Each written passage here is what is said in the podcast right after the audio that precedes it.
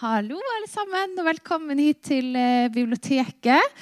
Mitt navn er Marie Amdam, og jeg jobber her i programavdelingen. Og vi er veldig glad for å ha dette samarbeidet med Festspillene i Bergen. Hele ordskifteprogrammet har altså blitt arrangert her på huset. Og dette er det nest siste arrangementet vi skal ha her på huset. På lørdag så blir det sist ut med Ida Lødemøll Tvedt, Sissi Wallin og Jan Landro, som skal snakke om ytringsfriheten i kunsten.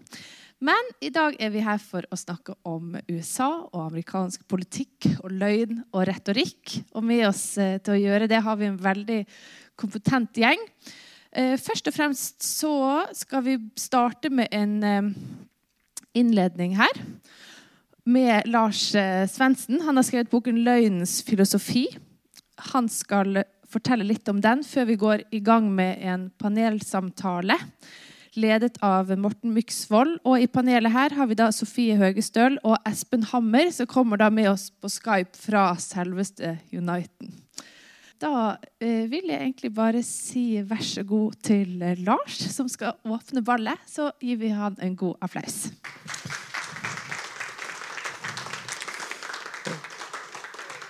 Takk for det, og takk for invitasjonen. Eh, jeg kan ikke helt huske når jeg fortalte min første løgn, og heller ikke hva jeg løy om. Eh, mest sannsynlig var jeg i tre-fireårsalderen, for det er da vi begynner med den slags.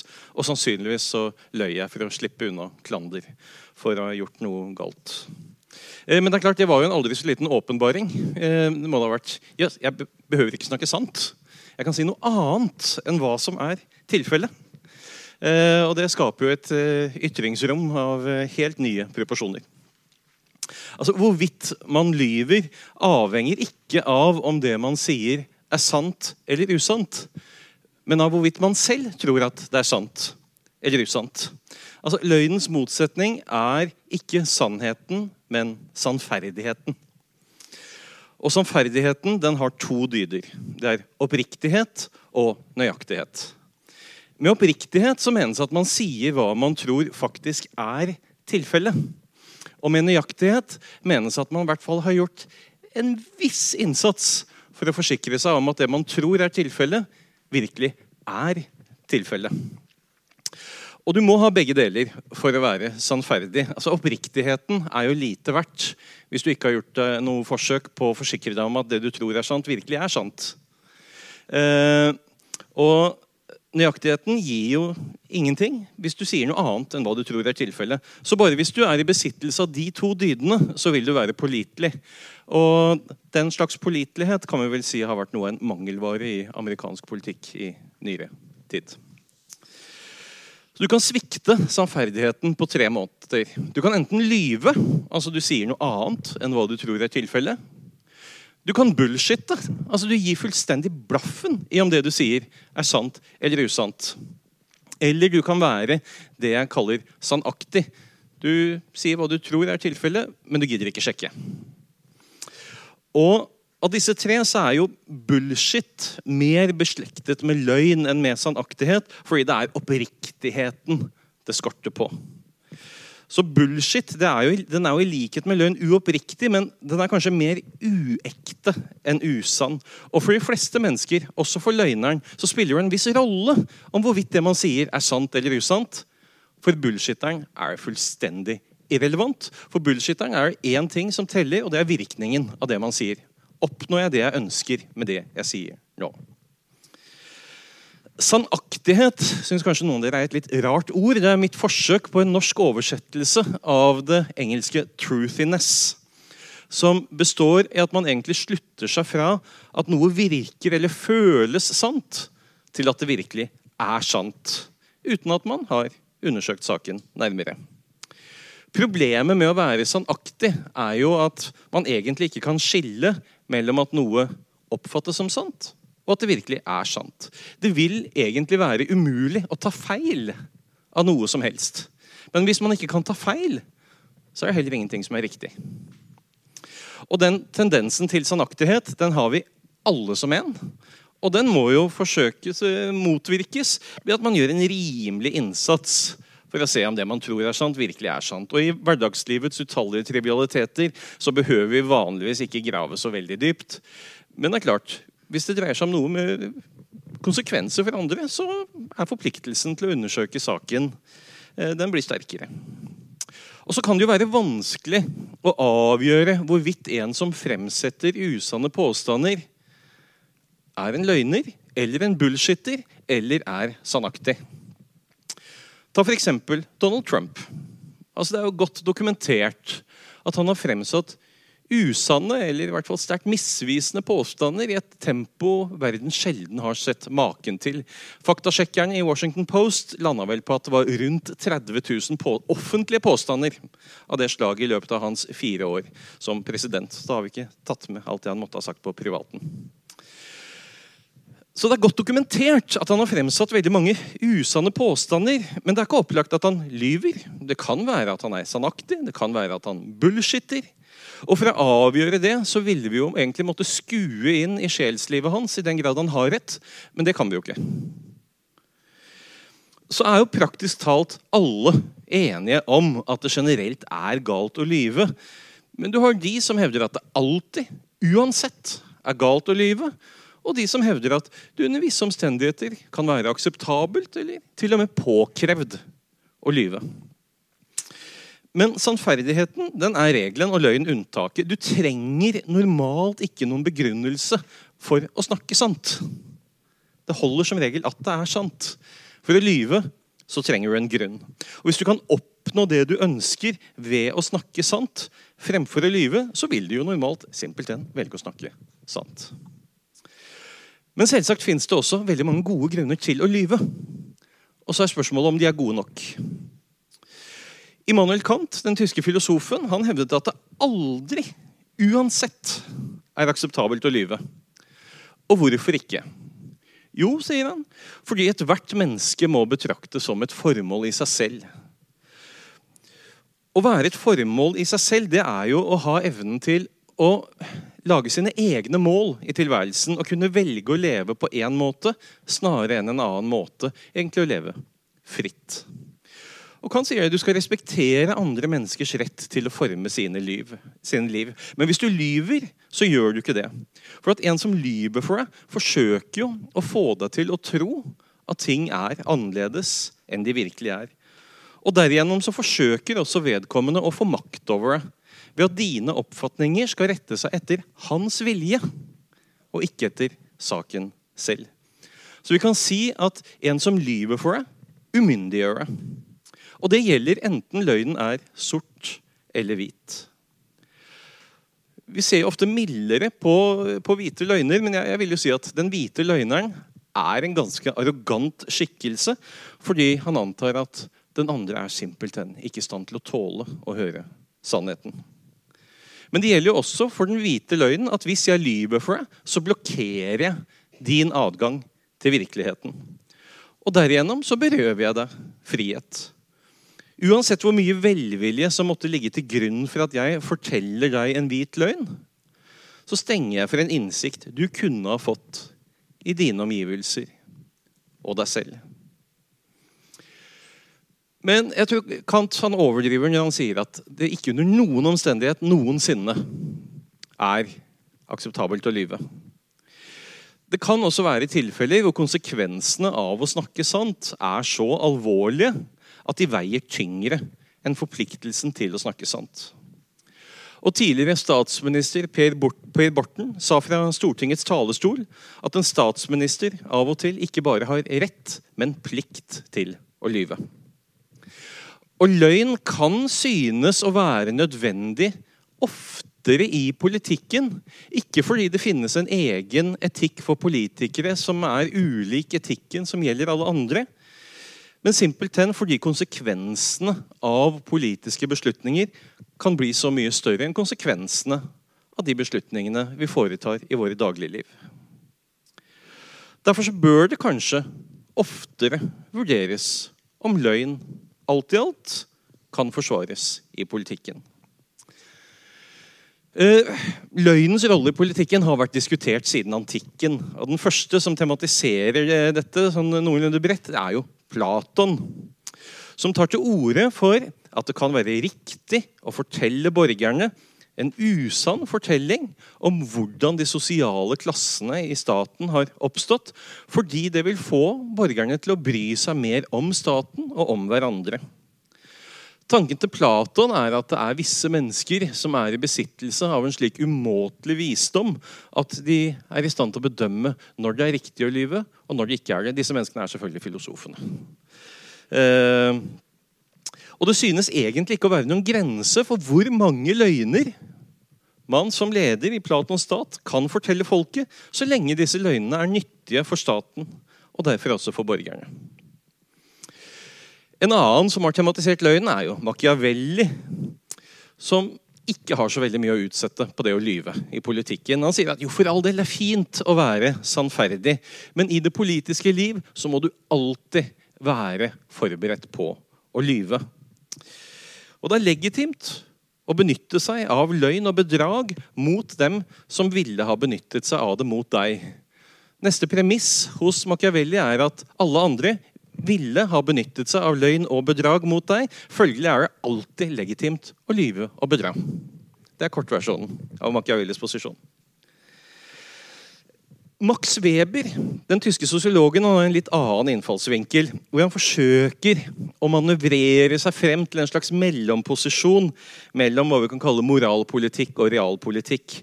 Mellom et idealistisk krav om at kun de mest moralsk høyverdige midler er tillatelige i politikken, på den ene siden, og på den andre det kyniske synet at ethvert middel i prinsippet er akseptabelt så fremt det tjener dine interesser. Eh, hva sannhet og løgn angår, så vil jo det si at det er galt å lyve, men de politiske omstendighetene kan være slik at du likevel må gjøre det. Da blir spørsmålet Ok, når kan man gjøre det, da? Og det korte weberske svaret er så sjelden som mulig, og bare når konsekvensene av å snakke sant vil være ekstremt skadelige for fortrinnsvis eh, nasjonen. Altså En sånn webersk ansvarsetikk vil aldri kunne forsvare løgner som fortelles først og fremst av hensyn til en selv. Men det er jo ofte hensynet til politikeren selv som ligger til grunn, selv om det f.eks. henvises til nasjonale interesser. Man lyver for å unngå offentlig motstand, beholde makten eller tjene interessene til en part man sympatiserer med. Men det er klart, disse teoretikerne jeg nå har nevnt, de skrev innenfor en horisont der de politiske løgnene er spesifikke der man lyver for å begrunne en bestemt handlemåte, som f.eks. å gå til en krig. Eller å skjule noe helt spesifikt som kan være ugunstig for regimet. Filosofen Hanne Arendt hun mente å kunne observere en ny type løgn i det moderne, som hun særlig fant eksemplifisert i nazismen og kommunismen. Nærmere bestemt så var det en form for løgn som ikke bare forsøkte å tildekke enkelte sannheter, men som forsøkte å oppheve hele skillet mellom sannhet og usannhet. Altså Den tradisjonelle politiske løgnen den handlet om å vinne en debatt eller å tildekke enkeltfakta på eh, sannhetens bekostning. Mens den moderne løgnen kan man si, det handler om å fortrenge selve virkeligheten. Donald Trump var som president en moderne løgner i Arends forstand.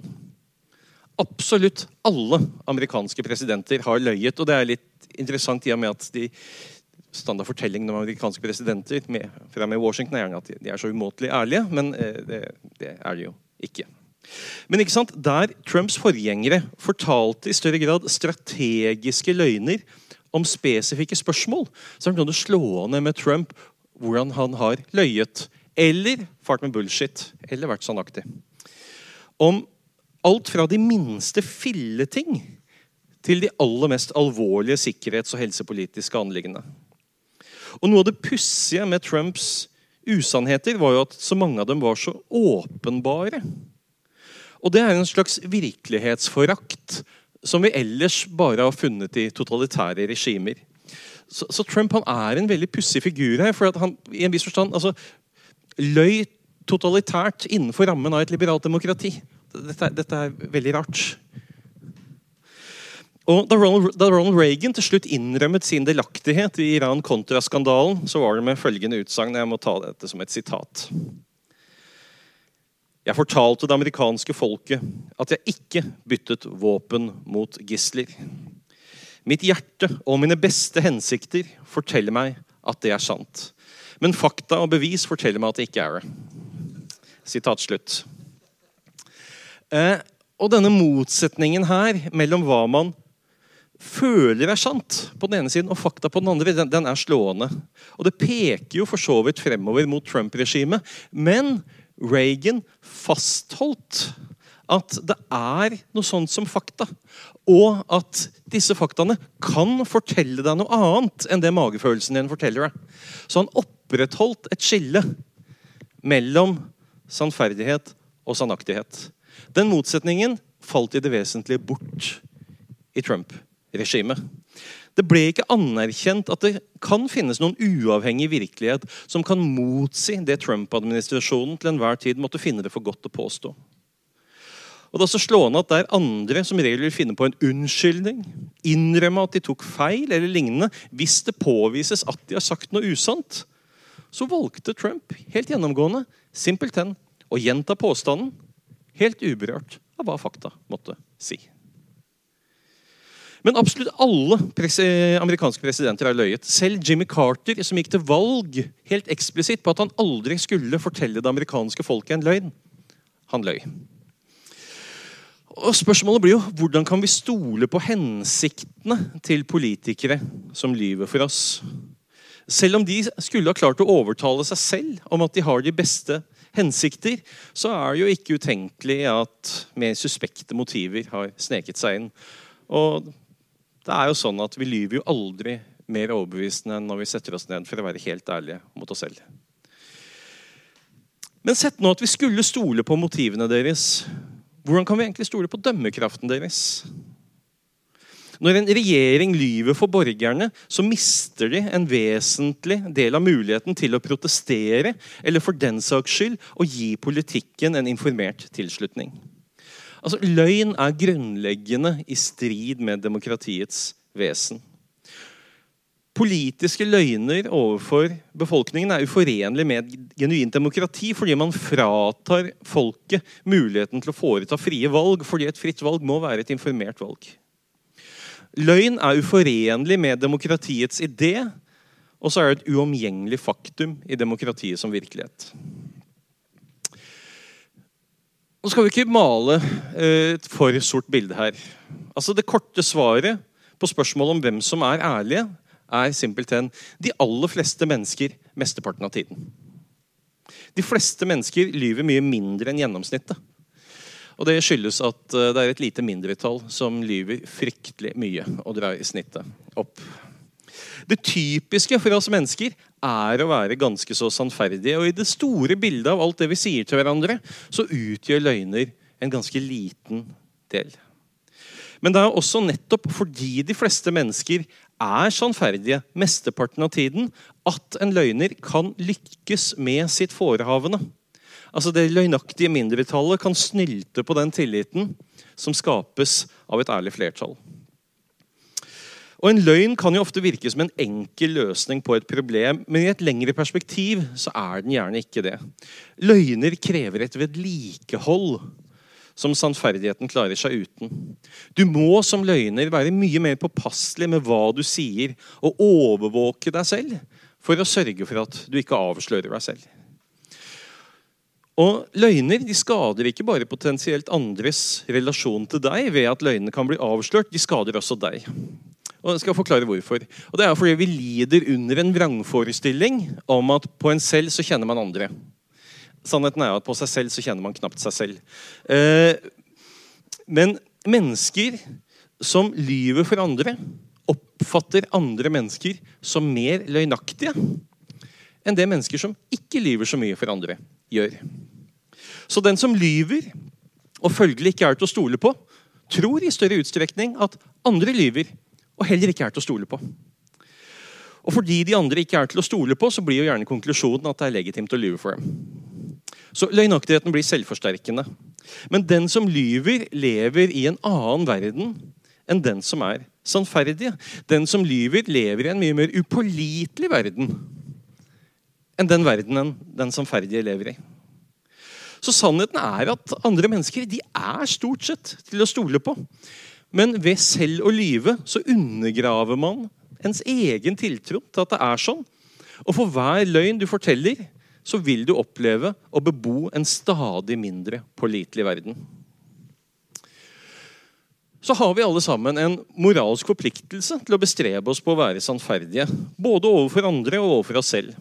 Og det er jo tilstrekkelig at du sier hva du tror er tilfellet, og at du har gjort et visst minstemål av innsats for å forsikre deg om at det du tror er tilfellet, virkelig er tilfellet. Og det burde jo være overkommelig for oss alle.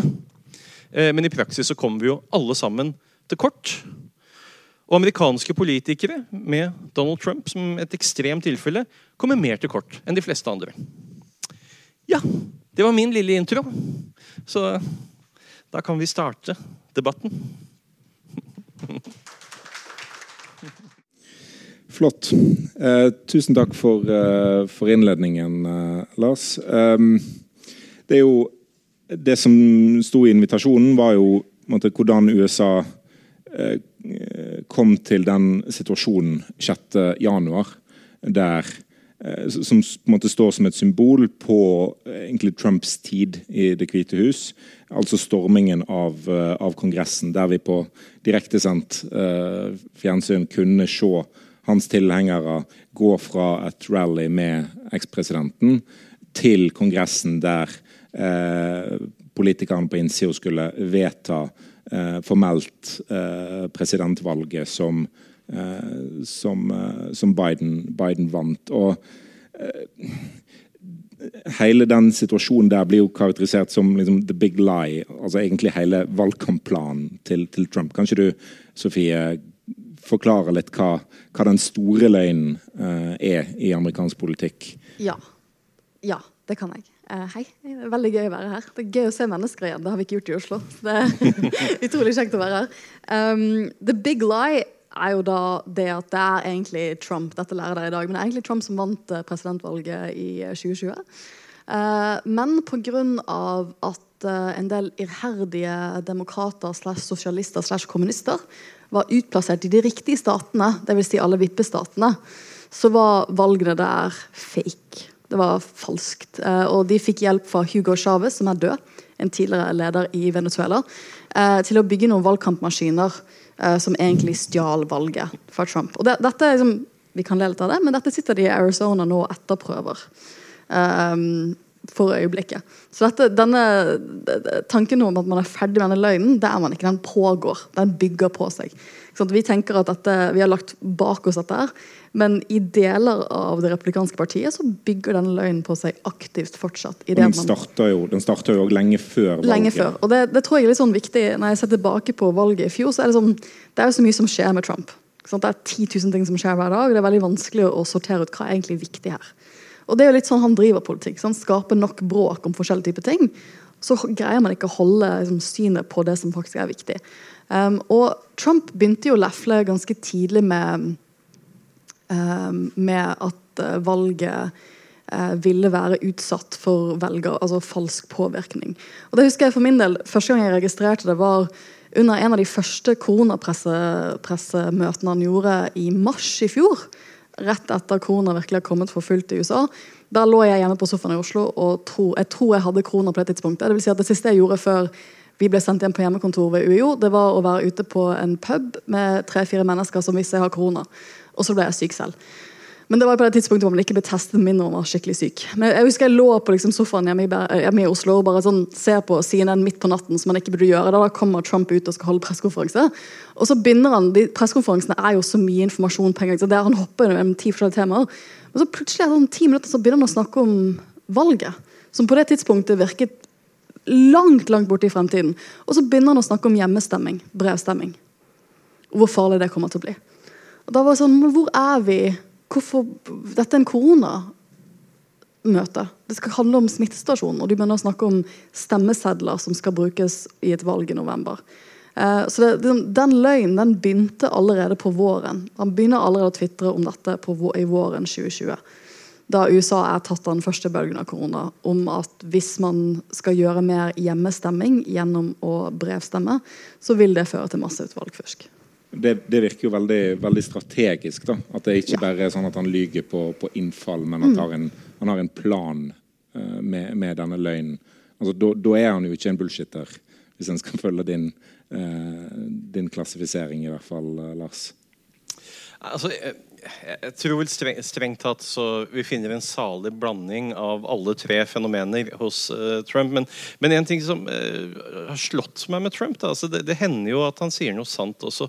Men, men uh, forsøkte jeg å komme på et tilfelle hvor Trump har sagt noe sant som har vært til ulempe for ham selv. Jeg har egentlig ikke klart å komme på noen gode eksempler der. Og det tilsier kanskje at uh, det er mer bullshit og løgn enn sannaktighet som er i, i spill her. Uh, men det er klart, altså uh, Trump oppfant jo ikke alt dette. Altså, det, det, det, det er jo en lang historie hvor Trump var gal mann på rett tid, eller hva man skulle si. Altså, det var jo eh, Altså den, den gjensidige mistilliten her mellom eh, de blå og de røde var, var, jo så til de grader til stede i, i, forkant her, sånn, sånn at Trump kunne gå inn og, og fylle en, eh, en, rolle. Og, det, og eh, no, Noe jeg syns er, er, veldig slående med USA, da, det er at som filosofer så lærer vi jo at uh, fakta og verdier de må holde strengt fra hverandre. ikke sant? Du skal ikke blande de to sammen, men i praksis så påvirker de jo hverandre. Fordi hva du oppfatter som fakta, vil være eller relevante fakta vil være medbestemt av hvilke verdier du har. Mm. Og hvilke verdier du har, vil være medbestemt av hva du tror er fakta. Og det vi har sett i USA, er jo hvordan en verdipolarisering har ført til en faktapolarisering. Sånn at man bebor så å si alternative universer. Og allerede før Trump uh, kom til makten, så sa jo fire av fem demokratiske velgere at de trodde de ikke ville kunne bli enige med uh, republikanske velgere om grunnleggende fakta. Og republikanske velgere sa nøyaktig det samme om demokratiske velgere.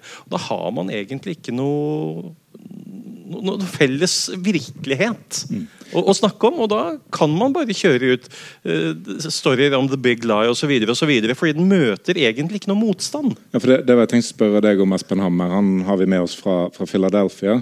Um, USA, er, er, det et så uh, splitta samfunn nå at folk egentlig lever i ulike, i ulike virkeligheter, der, uh, der en ikke treffer på nok mennesker med ulike meninger Eh, enn en seg sjøl? Uh, ja, det har i tiltagende grad skjedd. og Det er jo mange grunner til det. og Det er en lang historie til at man har kommet dit man er i dag. Uh, mange peker jo på sosiale medier som uh, en årsak. Hvordan de peiler folk inn i tunneler og gjør dem insensitive overfor andre oppfatninger og andre argumenter. En annen ting som har skjedd i USA, som er relativt uh, av ny merke, nytt merke, det er at uh, lokalavisene i USA for en stor del har forsvunnet. Uh, dette er de som forsker på mediesituasjonen i USA veldig klar over, og det snakkes mye om dette.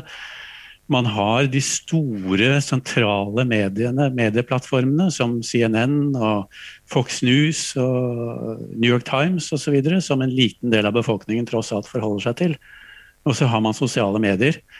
Men man har mistet på en måte den eh, grunnstammen av reportere som har virket i lokalsamfunnene rundt omkring. Så Det er to, eh, i hvert fall to, to årsaker til at dette har skjedd. Og så er det selvfølgelig denne langvarige krigen mellom de to partiene som har foregått på høyeste politiske nivå, og som også har forplantet seg nedover i de ulike statene. Som gjør at man knapt snakker om noe som helst. Og det har jo vært en langvarig eh, for så vidt, altså jeg, Den boken jeg nå nylig publiserte om USA og motsetningene der, der peker jeg på denne motsetningen som oppsto i Washington under Lewinsky-saken, hvor um, Clinton jo ble stilt for riksrett for å ha løyet i Lewinsky-saken i den forbindelse med denne sexskandalen i The Oval Office osv. Og Siden det så har man for så vidt kunnet se en vendetta mellom partiene. altså En stadig større polarisering, en stadig større gjensidig mistenksomhet. Og også en stadig større vilje til å bruke strategiske midler overfor hverandre som løgner. da. Så dette er en kompleks prosess, men det er også en potensielt fatal prosess for hele demokratiet i USA, som nå er i fare pga. den enorme polariseringen, bl.a. Ja, du, du, skrev jo 'En supermakt i krise', som kom ut i januar. Det var jo, det var jo god timing for så vidt at, at den kom. Men, uh, men Sofie, du ja, for det, Jeg har jo sett litt på tall rundt dette med polarisering. Jeg sånn, det, er sånn, det, er en del tall som har overrasket meg da, uh, siste året. og Et av de er at i USA så er de veldig glad i å gjøre sånne meningsmålinger på om du er fornøyd med presidenten eller ikke. Som de kaller approval ratings. Hvor fornøyd er du med sittende president? Og det man så under Trump, var at man satte en rekord i polarisering på de svarene der. Under Trump siste året så svarte 89 av republikanere at supergod jobb. Approve. Mot bare 7% av demokrater. Så det var et gap på 82% Og da tenker man sånn, Det er pga. Trump. Men det er det ikke. Er det ikke altså, hva hadde man gjettet var Obamas gap? 79 så splittelsen var nesten like stor under Obama. Spurte demokrater 80, eh, 89% thumbs up. Bare 12% republikanere. Eh, og det gapet der har bare vokst siden 1945. Og det er jo det som er forskjellen. Hvis, når vi ser på undersøkelser, tilsvarende undersøkelser i Norge, så selv om jeg er aktiv i Venstre, så har du spurt meg Jens Stoltenberg, god statsminister, så har jeg sagt god statsminister.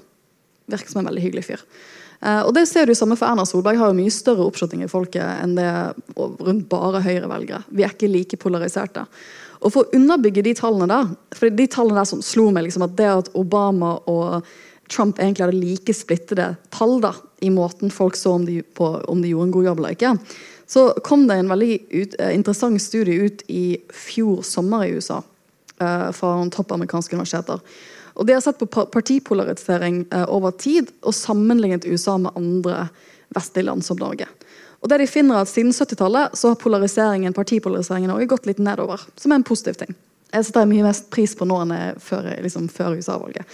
Men det som har skjedd i USA er at Hvis du spurte en, en vanlig velger i 1978, så hadde de en sånn tendens til å gi politikere fra eget parti 27 poeng mer på en skala fra 1 til 100. Og Det skjønner man jo. Det er dine egne politikere, man liker de litt bedre enn grunnen til at man er aktiv i det partiet. Men hva er gapet i dag? Jo, gapet i dag er nesten på 46 poeng. Så spurte du en velger i 2019 sant, uh, om å rate folk fra eget parti, så la de til 46 poeng. Det betyr at du helt objektivt sett kan ha en skikkelig dårlig politiker. La oss si sånn objektivt sett 10 ut av 100. Hvis det er en politiker fra ditt eget parti, så tenker du 56 poeng. Og da er det plutselig en middels politiker. Bare fordi det er fra ditt eget parti. Og det samme fungerer jo motsatt. Du kan ha en stjernepolitiker på andre siden av politikken, som er la oss si 80-90. ikke sant? Trekk ned 46 poeng med en gang, for det er ikke en politiker fra eget parti. Og Jeg kan jo si, liksom, jeg har jo politikere i alle partier jeg syns er superflinke og superkule, som jeg ville rangert veldig veldig høyt. Det er ikke tilfellet. Det tror jeg er ganske normalt i Norge å ha. Um, og da, da, gir det jo mening, hvis gapet er så stort på hvordan du ser på politikere fra eget parti versus andre, da gir det jo mening at man har 82% virkelighetsforståelsesforskjell mellom republikanere og demokrater rundt hvem som er presidenten. For de tallene vi ser på Biden, akkurat det samme. Ganske stort gap. Men er polarisering da bare et tegn på en tillitskrise, som, som Espen Hammer sier, at, at ja, det, det, det, brøt sammen på en måte med Lewinsky-saken og ble bare verre, at en ikke hadde tillit til hverandre? Ja, altså, for Jeg har også sett de tallene du snakket om, at um, 73 av amerikanere sier at er en, de er enige om at de er så uenige at de ikke lenger kan enes om objektive fakta. Liksom, og Da er det ikke overraskende at vi sitter her et halvt år etter presidentvalget, og 30% av amerikanere hele befolkningen svarer konsekvent på meningsmålinger at Trump vant valget. Det er en tredjedel av befolkningen.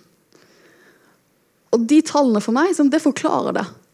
Det tillitsgapet, det at man er så uenige og farget av partipolarisering at man ikke lenger er enes om Men det kan jo også forklare hvorfor Trump slipper unna med så mange løgner. Mm. Fordi at rett og slett motstanderen har mindre tillit uh, enn han. Ja, altså hvis du ikke kan stole på noen, så kan du jo like gjerne stole på Trump. Eh, altså, og det, det, er jo en strategi vi har sett tidligere også. Altså, ved å undergrave alles troverdighet, så kan man uh, komme bedre unna det hvis ens egen troverdighet i utgangspunktet er litt frensete. Men det som ofte har også vært litt underkommunisert i Norge, er jo nettopp det at dette gjelder begge Si, ja, Det gjelder begge sider. Altså Vi eh, løfter frem at eh, Fox News er lite pålitelige. Men jeg må jo innrømme også når jeg ser på eh, CNN eller MSNBC, så er det bare Jøss! Yes!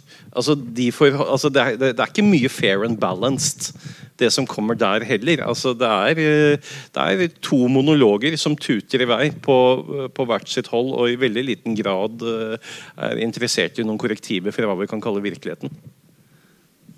Deler du det synet der, eh, Hammer? Er det det du tenkte på når du, når du sa at lokalavisene forsvinner, og, og, og disse store kanalene overtar? Altså Blir de partipresse? Ja. Ja, de gjør i en viss forstand det. Og jeg er faktisk enig med Lars der at uh, når man ser på CNN f.eks., og også MSNBC nå for tiden, som jo er venstre, altså liberale eller til dels venstreliberale medier i dagens mediesituasjon, um, så er det jo tydelig at de også er drevet over til uh, å bli mer partisan. Altså de bruker mer altså verdiladede diskurser. De tar, de tar, standpunkt politisk når de fremsetter en sak, uh, ofte. Um, og de blander, som Lars var inne på, altså verdi og fakta på en, på en måte som vi eh, tidligere har vært mer kjent med fra høyresiden og fra Fox News osv. Så, videre. så det har helt klart smittet over til den andre siden. Så jeg er enig i at begge sider nå holder på med dette. Hvis jeg bare kan få legge til én ting. Når det gjelder dette med løgner, så er jo det selvfølgelig veldig vesentlig, dette bildet. Men jeg føler også at det er litt viktig å kanskje ta dette med løgner enda noen steg videre. Lars nevnte Arendts idé om dette med en slags fullstendig splintring eller ødeleggelse av virkeligheten, og en, kanskje en nykonstituering av virkeligheten gjennom gjennom diskurs, gjennom ord. Og Det føler jeg er veldig viktig nå for å forstå det som foregår eh, i forbindelse med Trump, eh, ikke minst, og fenomenet knyttet til, til, til det han har stått for. At eh, det man har her, er ikke på en måte en tilsløring av virkeligheten, men for mange mennesker rett og slett en konstitusjon av en ny form for hva skal vi kalle det, realitet, som folk oppfatter som, som gitt fordi eh, Trump har sagt at eh, det er sånn. Så det er på en måte en slags religiøs, eller en slags, nesten en slags trosbekjennelse som ligger i dette. Og det å stille opp f.eks. på 6. januar og være villig til å gå til vold fordi at denne føreren i Det hvite hus hadde sagt at nå var det på tide å bruke vold mot de folkevalgte, og marsjere og bruke harde midler, eh, så var det i en viss forstand et uttrykk for at man aksepterte dette på et dypere plan enn rent kognitivt. Altså Man beviste sin, eh, måte, sitt medlemskap i denne nye kirken som Trump i en viss forstand eh, ledet den dagen. Det er en ny orden som skapes. Det er en veldig følelsesladet uh, form for uh, uh, orden. Og det minner jo litt om hvordan hvordan religiøse mennesker, i hvert fall historisk sett, ofte har bevist at noe er tilfellet. Jeg tenker f.eks. på de første martyrene i Romerriket, som var villige til å gå i døden for kristendommen. De beviste i en viss forstand kristendommens sannhet for romerne ved å vise at de var villige til å go all the way. Og Det er den type logikk som begynner å komme inn i forbindelse med Trump. Og nå har jo hele det republikanske partiet svelget Trumps big lie og følger jo den fremdeles helt og holdent. Og den legitimerer også, som eh, jeg tror Sofie så kanskje var inne på, den legitimerer da disse nye repressive tiltakene i de enkelte, mange enkeltstater for å begrense velgertilgangen og velgermulighet, eh, stemme, stemmetilgangen for mange, ikke minst African Americans i USA. Så dette er en uh, antidemokratisk prosess som så å si er initiert og drevet av et i dag antidemokratisk parti, med andre ord republikanerne. Og det er bekymringsverdig.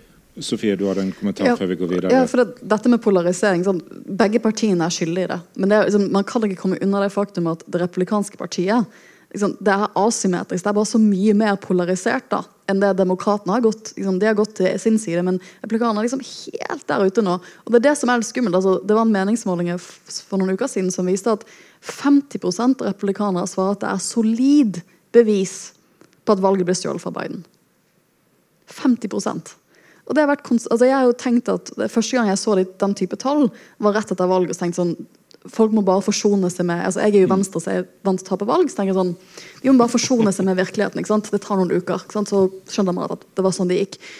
Men det, de har gjort det motsatte. De, sånn, de have like double down på at det skjedde.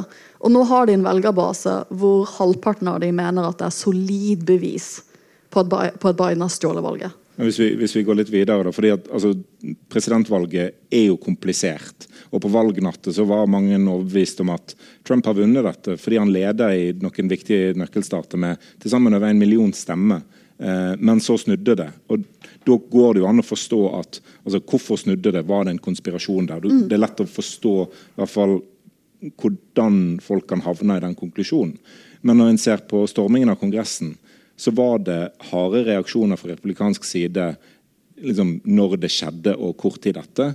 Men nå er jo det helt vekke. Mm. Eh, så til og med noe vi så direktesendt på fjernsyn, skjedde, et kuppforsøk på live-TV, det er vi ikke lenger sikre, sikre, på hva som egentlig skjedde. altså var det eh, var det turister, var det Antifa, var det liksom innleide? Er det en sannhet republikanere prøver nå Eh, å spre. da.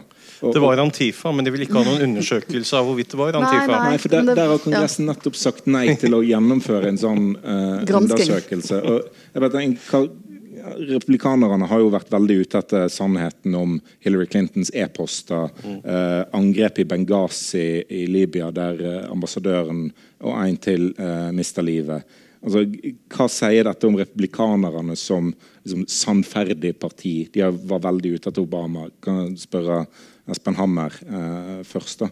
Når de, når de nekter å, å, å, undersøke angrep på, på seg sjøl. Ja, Det er jo ren, eh, ren politisk uh, manøvrering, kan du si. Uh, man henviser til sannheten når det er nyttig for en å gjøre det. Når motstanderen later til å skjule et eller annet, så går man på jakt og vil ha sannheten frem. Når sannheten er til forkleinelse for ens egen posisjon, så gjør man alt man kan for å skjule saksforholdet. Det, dette er jo ikke noe nytt i politikken. Altså det, slike ting har jo partier for så vidt holdt på med bestandig i liberaldemokratier, men ikke i det omfanget som man har nå, og ikke med den konsekvens man har nå, og ikke med de resultatene som dette tross alt har for hele det politiske liv i, i USA.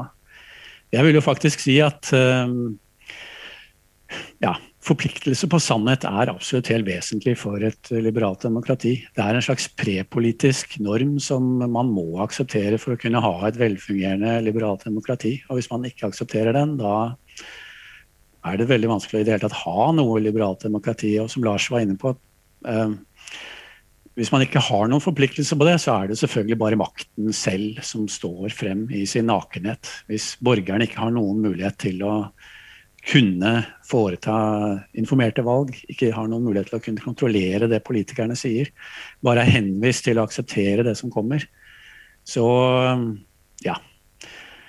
Så har man én komponent innen diktaturet.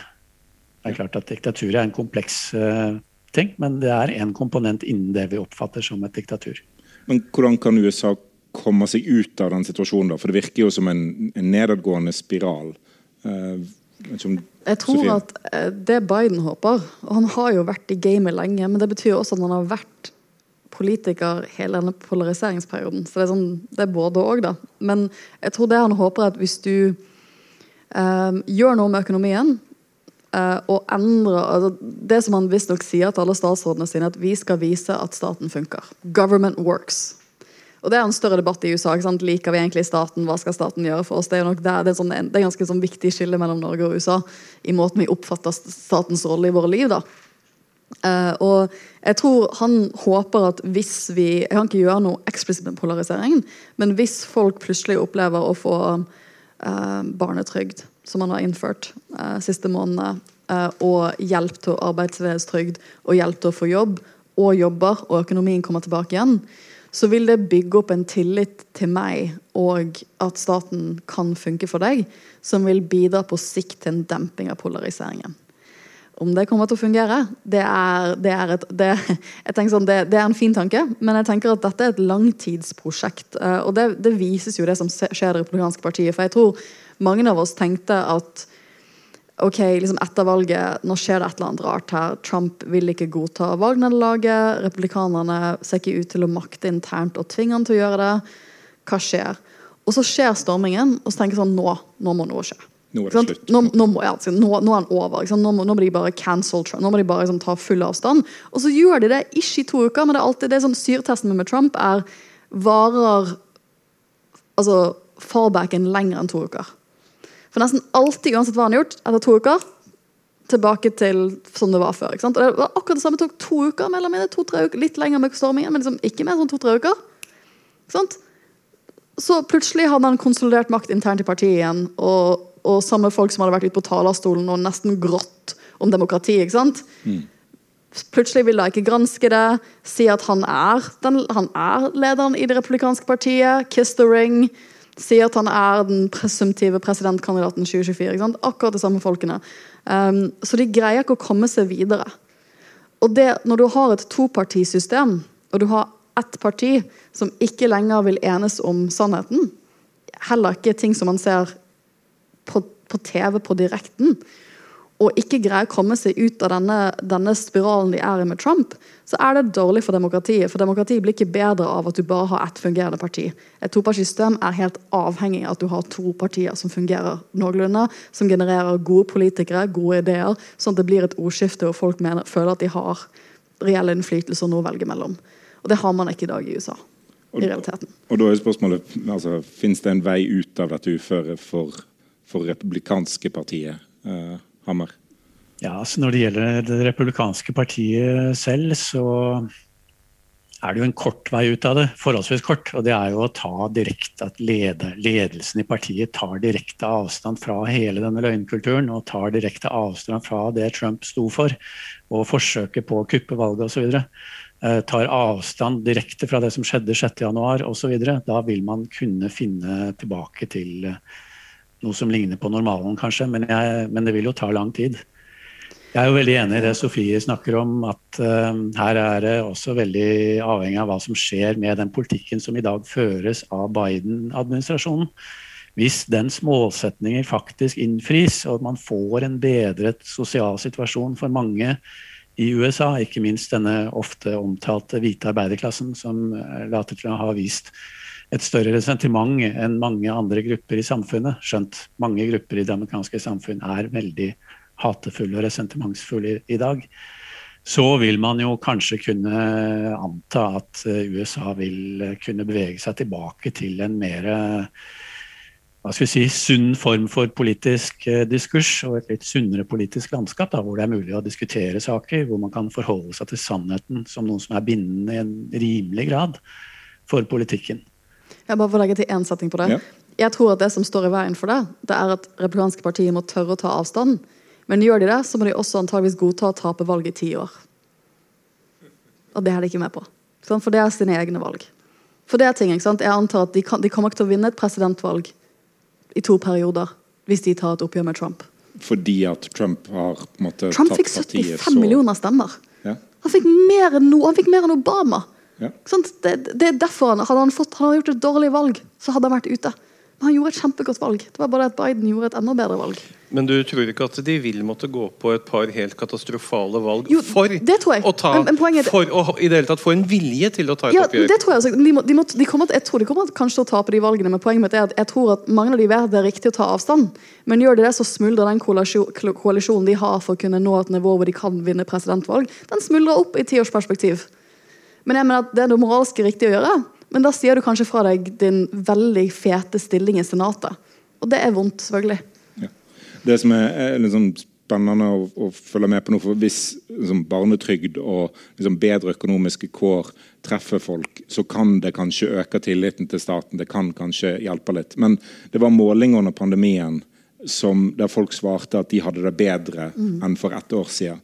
Og det, det har jeg problemer med å forstå òg er sant. at i et land med, med så høy arbeidsledighet. At en til og med der kunne faktisk sminke på situasjonen fordi det gagner partiet mm, sitt. da. Og, og, hvis en da ikke klarer å, å, bygge den tilliten gjennom politikk, så står vi der kanskje da i 2024 med Trump mot Biden. Altså Er det en realistisk situasjon? Altså Donald Trump, ikke noen av de andre i klanen? Jeg, jeg tror at det kan være en realistisk tanke. Eh, jeg tror at hvis det blir Trump, så tror jeg at demokratene kommer til å være så redde på at de har ikke noe de har ikke noen person, åpen person som kan vinne mot ham nødvendigvis, for det blir for nytt og kanskje for usikkert. at Da vil de gjøre det kjedeligste de kan, og det er å velge Biden igjen. Hvis han, hvis han er i stand til det, da, ikke blitt for gammel innen den tiden. Så liksom, jeg tror at Hvis ikke det blir Trump, så tror jeg det blir to nye kandidater på begge sider. Men hvis det blir Trump, så tror jeg det kommer til å forsterke. Det var jo, Biden hadde aldri blitt presidentkandidat uten Trump for partiet sitt. Så jeg tror at det er en, sånn, det er en effekt der. Mm. Mm. Helt til slutt altså, The big lie, løgnen om at, at valget er rigga, den, den, er jo ikke over.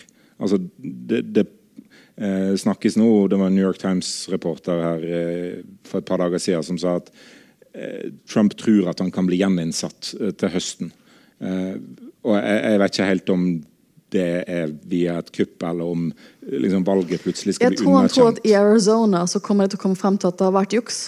Vi har bare ikke sett det de 5000 gangene de har talt. Men nå ja skal de finne ut at nå, det var juks, og at da må de bare oppheve hele valget, og da må han jo bare get reinstated. For det er jo fascinerende. Arizona var vel kanskje den eneste delstaten der republikanerne var veldig opptatt av å telle alle stemmene. Fordi der stemte republikanerne i større grad via posten. Mm. Mens i alle andre vippestater så var en opptatt av å slutte å telle. Fordi at der var det mm. få republikanere som stemte eh, via post. Og det er vel egentlig akkurat det uh, Hammer sa i stad om at, at uh, at republikanerne gjør det som, som gagner de. da. Uh, og, og, ja, alle politiske partier har vel gjort det opp gjennom historien, men dette er liksom ekstremvarianten. Jeg tror vi tar og åpner for litt, uh, litt spørsmål nå for, på tampen til uh, alle tre. Hei.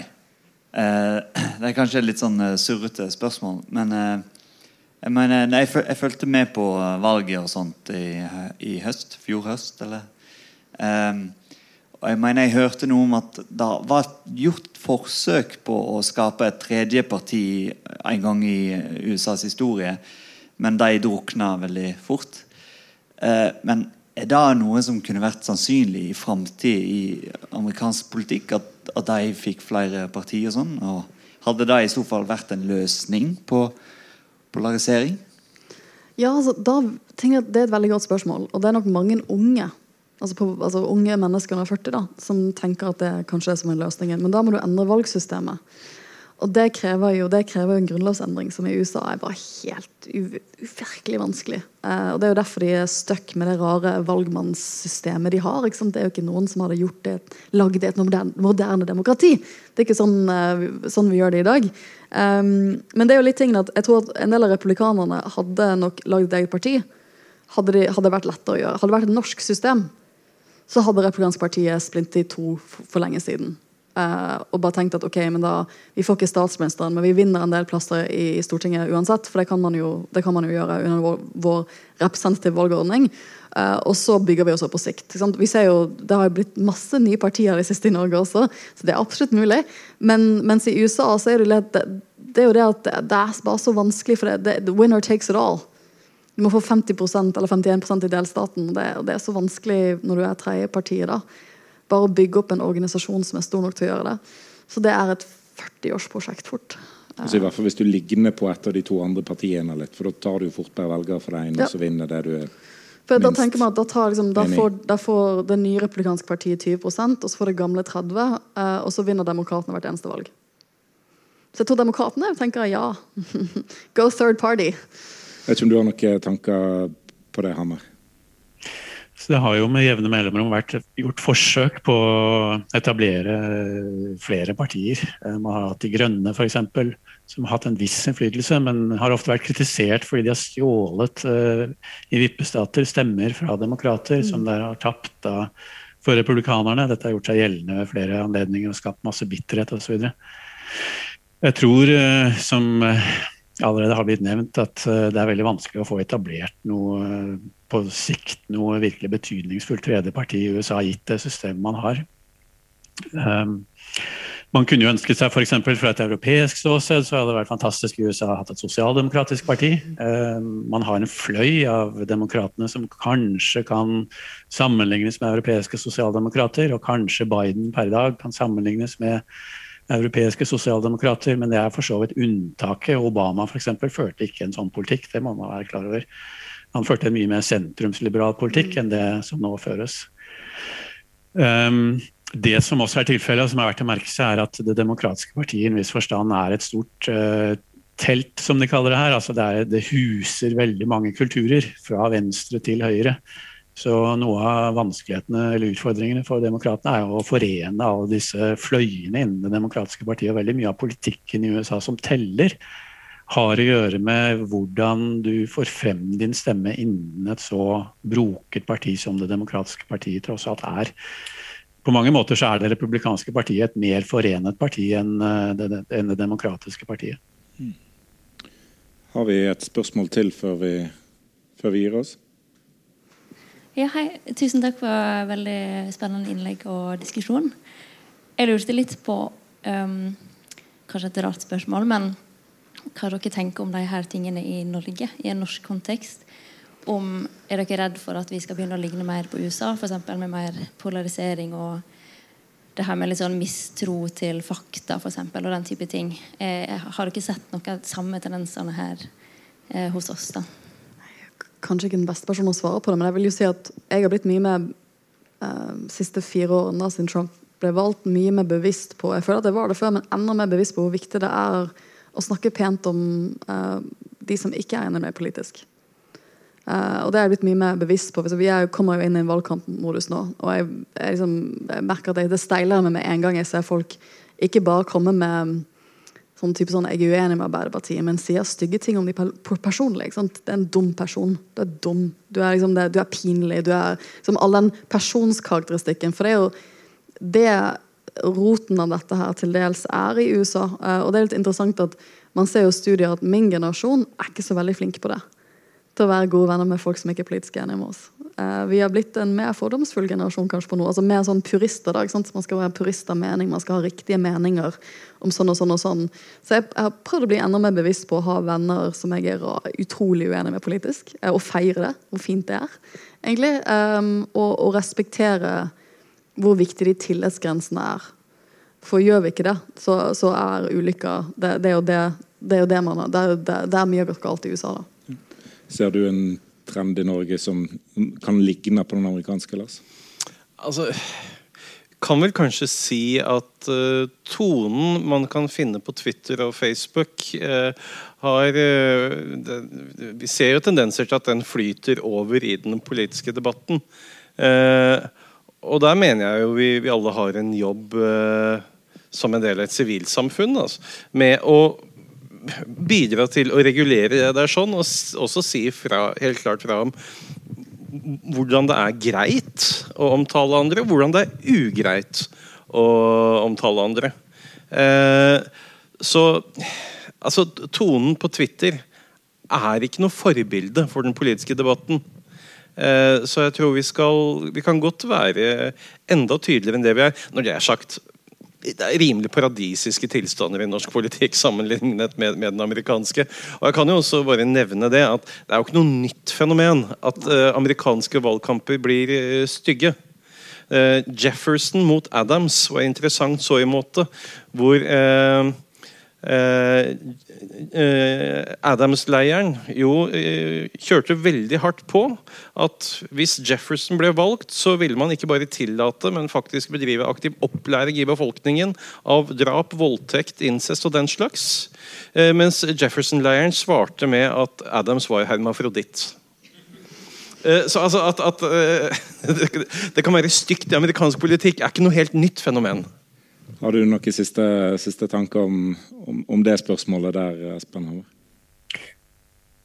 Ja, jeg tilbringer jo alltid tre-fire-fem måneder av året i Norge, så jeg har jo en viss peiling på hva som foregår. Det er selvfølgelig på mange måter mer tillit i politikken i Norge enn det er i USA. Den polariseringen som vi har snakket om, den kan ikke jeg se at eksisterer på den samme måten. Uh, jeg vil jo kanskje si at um, man ser ofte et politisk engasjement i USA som jeg syns ofte er inspirerende og flott. Uh, man ser mange mennesker som tar saker på alvor og er villige til å gjøre noe for å få forandringer. Mm.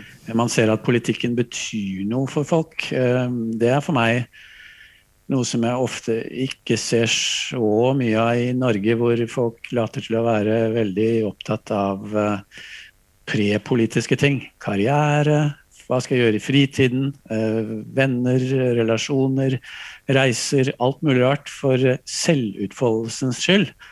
Mens politikken den får andre drive med. Mens i USA så har man et, et til dels ganske dysfunksjonelt system på mange nivåer. Og det er slik at veldig mange mennesker føler at uh, noe må gjøres. Det man har nå, er jo f.eks. et stort engasjement når det gjelder uh, den svarte befolkningens uh, forhold i USA. Politivolden har jo blitt tatt opp i veldig stor grad. Veldig mange mennesker er sterkt engasjert. Det er i ferd med å komme et grønt engasjement i USA som er veldig sterkt på grasrotnivå, også oppover i de, faktisk i de store selskapene rundt omkring i USA. Så begynner man å tenke eh, omkring energi og sånn på en helt ny måte. Og det er massevis av gras, grasrotaktivitet som eh, for meg er eh, flott og inspirerende, og som vitner om at USA faktisk har et sivilsamfunn som til dels det kan være noe å lære av. Hvis jeg får siste ordet her, så vil jeg si at uh, ikke tenk at alt i USA er helt håpløst og forferdelig, og at her har man mistet helstyringen. Det er veldig mye man kan lære av uh, amerikanerne, og det er veldig mye man kan få inspirasjon av politisk sett fra et studium av hva som foregår i USA. Da uh, gjenstår det egentlig bare for meg å takke for at dere kom i finværet. Og til Lars Svendsen, Sofie Høgestøl og Espen Hammer, og til arrangøren som gjorde oss til litt usannsynlige festspillartister. Takk.